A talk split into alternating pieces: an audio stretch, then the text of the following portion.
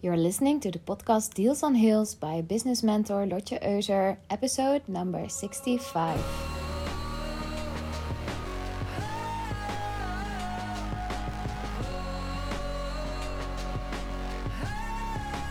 Deals on Heels.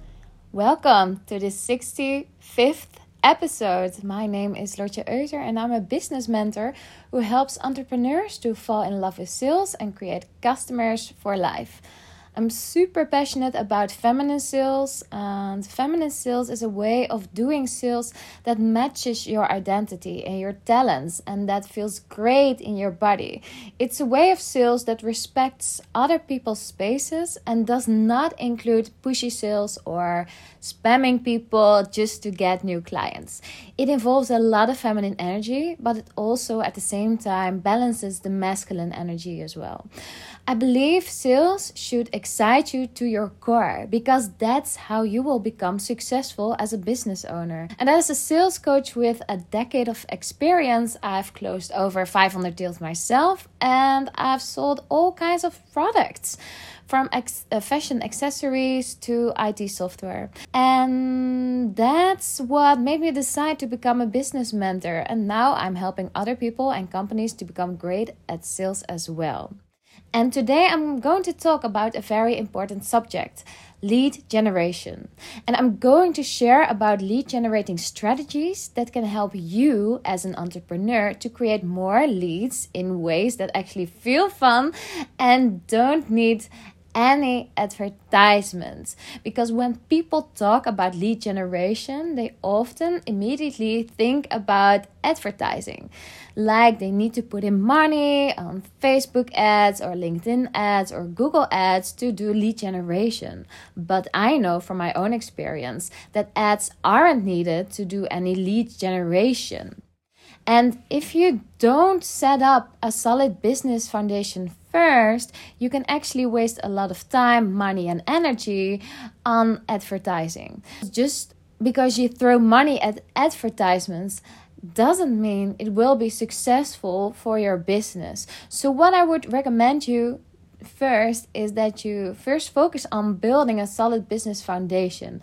That foundation would consist of the following subjects one, get really clear on who you want to serve here. Who is your ideal client? Who would benefit the most from your expertise? Who are those people? What do they do in their lives? What challenges do they struggle with in their life or businesses? And what problems do they run up against? Then get very clear on how can you help those people and what can you help them with? And what not, and what is the result they can expect from working with you. So you need to become very clear at how you can help them, uh, what you can help them with, and what is your solution to their problems or to their needs and then to create a clear and powerful marketing message that speaks directly to your ideal client. And of course, you have to have a clear offer that will help you uh, to solve your ideal client's problems. Now, I can really dive deeper into each of these subjects because they're very important, but I feel like it would be better to discuss those in separate episodes because today you're here for more information about lead generation. So, what is lead generation? Lead generation is a way you can attract potential buyers to you and buy from you. Lead generation is a way to attract potential buyers to come to you and to give them the opportunity to buy from you. You literally are creating opportunities to buy from you, basically. And lead generation is super essential to generate more sales and to grow your business. Because, welcome to my world, more sales equals more money. So if you want to grow your business, you will need to create more sales and you need to see lead generation as basically your BFF. So I've done numerous ways to generate more leads and in this episode I want to share my own lessons with you and tell you what has been working for me and what didn't work. So when I started this business, it was a few years ago, I didn't really have an an email list filled with potential clients. I had to build that from scratch, and I didn't really have any expert positioning on that point. So I used my own way of doing lead generation to build my expert positioning and to attract potential clients. And one of the ways that a lot of coaches and consultants use lead generation is through free stuff, through offering freebies. And I'm a big fan of free stuff because it allows you, as the expert, to give lots of value to your potential buyers in a very low key way. People can get a hint of your expertise and your vision through the free materials you provide. But you really need to dive into what would my ideal buyer love to get from me? What are they looking for and how can I grab their attention by using or by offering my freebie? And one of the things that I started with uh, for lead generation was an ebook. And it really wasn't like a mind blown or super genius ebook, but nonetheless, it helped me to build my email list and to get those first email addresses in. And I think the title was like five marketing tips that will easily help you to attract more buyers. Something like that. I- am not sure, but it was it was in that direction. And it was basically focusing on entrepreneurs who wanted to know how to do marketing in a very easy and low key way.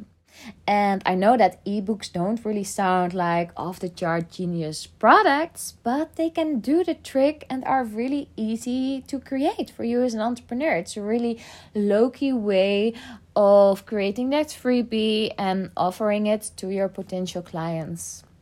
And they don't really need to be very long or extensive, so it doesn't take a lot of effort or time to create one and they can trigger the curiosity of your potential buyers if you give your ebook an interesting and sale proof title. It actually helped me to attract more visitors to my website because my sale for that freebie page was really on point. And so, in that first ebook that I created, I gave away five tips that were super easy to implement. And I used that ebook also to tell people a little bit more about who I was and how I could help them with their marketing challenges. So, that ebook wasn't only focused on me providing value to potential buyers or to interested people, but also to engage a little bit more with them and telling them who I was and what I was offering. Now, this was back in the days when I wasn't really focusing on sales as I am right now, so I was far more focused on marketing. Um, but sales is really my current niche as a business mentor. So, another way of doing lead generation that's really easy is to organize free webinars. And this is actually one of my favorite ways to collect new leads because you can interact with those people who sign up for your webinar. And they really get to know you when you're doing those webinars live and when you can answer their questions. So it really helps you to engage and to interact with your potential buyers right away. But I must admit, I just love teaching myself and I love doing webinars, and it might not be your cup of tea, and that's perfectly fine. What I never did was the pre recorded webinars thing because, yeah, I just love doing webinars live and I'm all, always repurposing the content from these webinars for other programs. And that's probably a big topic for another episode on how to build and repurpose the assets that you create for your sales. Okay, so a lot of companies in the B2B world, also in the B2B sales world, also create playbooks or white papers on certain topics, and those can work great as well. The most important thing is that your freebie is super relevant to your ideal client. Of course, you must market your freebie as well because otherwise nobody will sign up for it. So the next question is how are you going to make people sign up for your freebie? How do you grab their attention? How can you seduce people to sign up for your freebie? And there are so many ways you can apply here, but what I would advise you is to use all your free channels to the fullest. Like post about it on social media, drop it in your stories, do a live video, post about it in groups, make a reel, send an email to earlier leads who might be interested as well, and invite people through your content to leave their details in order to receive the freebie. And you can use an automated form for that, but it's not really necessary. Because when I started this business, I didn't really have a great um, form program on my website. So I basically collected email addresses through social media. Uh, and that also worked very well. And I'm pointing out collecting email addresses because this is the most valuable input here. Because you can sign people up for your newsletter and you can really make the most out of their intention and you're not relying on any social media channel in order to get that attention. What a lot of entrepreneurs forget here is that repetition is really gold, also for lead generation, even for your free stuff. You really need to put in the effort to make people enthusiastic to sign up for it. And don't expect people to act directly when you offer something for free because it actually takes a lot of work and a lot of repetition.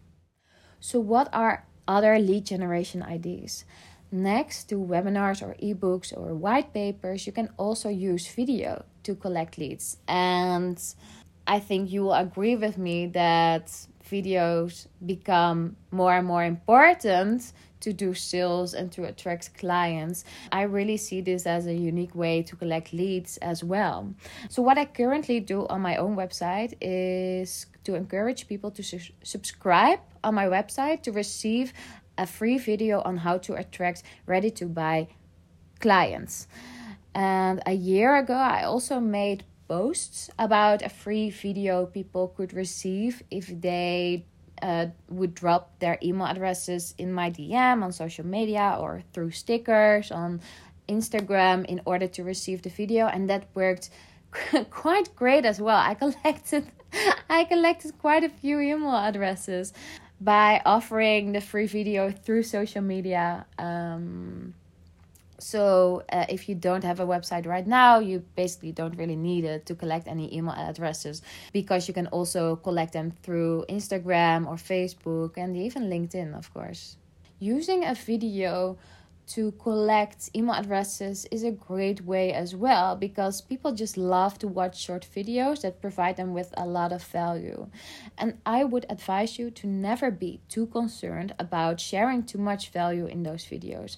And I know that some of my clients were struggling with this because for example they use their podcast as a lead generation tool which also works great.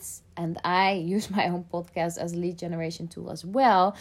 But i wasn't making this podcast for example on purpose to collect leads but it was more of a side effect. I wasn't really aware that it could also use that i could also use it to get new clients. Um, but it's actually very valuable to collect clients because uh, people love listening to podcasts, and all the podcast platforms are really growing year on year. So that's also one way of collecting leads. Um, but st- some of my clients still feel like they give away too much value because they explain so much in their episodes, for example. And I don't really believe in that. I don't agree that you could ever give too much value. So when they tell me that, I'm asking them, like, would you still feel like you're giving away too much value if three people right now would sign up for your program through your free stuff or through your podcast? And the answer that I always get is no, they don't believe that they're providing too much value if it results directly into receiving more clients. Then it would just justify the amount of value for them. But in order to achieve that, of course, in order to achieve that result of getting more clients through any of your channels, so you must go first by giving lots of value to your potential clients in order to get more clients. I see getting more clients by providing lots of value just as a logic result of all the effort you've been putting in.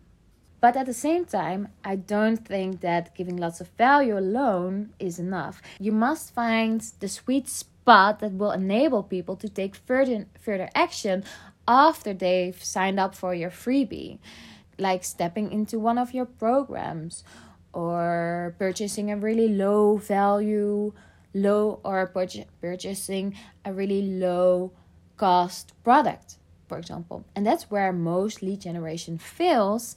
It is in the follow up phase you need to always follow up on leads generated by your free stuff. It's not even a question, it's something that you must do, or otherwise, your lead generation won't mean anything to your sales. Leads don't convert themselves. You must take action and make use of the attention your freebie generated. So, whether you're creating a funnel that leads to one of your products or that leads to a free call, I don't really mind how you set it up or what your goal is with your freebie, but be very intentional about where that lead generation should lead your leads to. Wow. That's a lot of lead, lead, lead in one sentence. But I, I, I, I think you know what I mean here, right? You can't create a funnel without a clear goal. So, where does your lead generation need to lead to? Decide it for yourself. There is no right or wrong here. Some of my clients uh, let their lead generation lead to free calls, others use it for their low end programs, some use it for their high end programs, and some just do it to grow their email lists. The clearer your goal is, the more successful your lead generation will be. So, I hope that this episode will give you a lot of inspiration about how to organize and use lead generation in your business and how to set up that lead generation. Let me know how this episode resonates with you. I would love if you would subscribe to my podcast and give a five star rating. Only five star ratings, please. That's the only thing I like. If you want to give four stars or lower, then never mind. Forget what I just said. And don't hesitate to DM me on Instagram or LinkedIn if you have any questions about this episode. I would love to get in touch. And I hope that next time you will listen again to a new episode. I wish you a great day and hopefully till next time.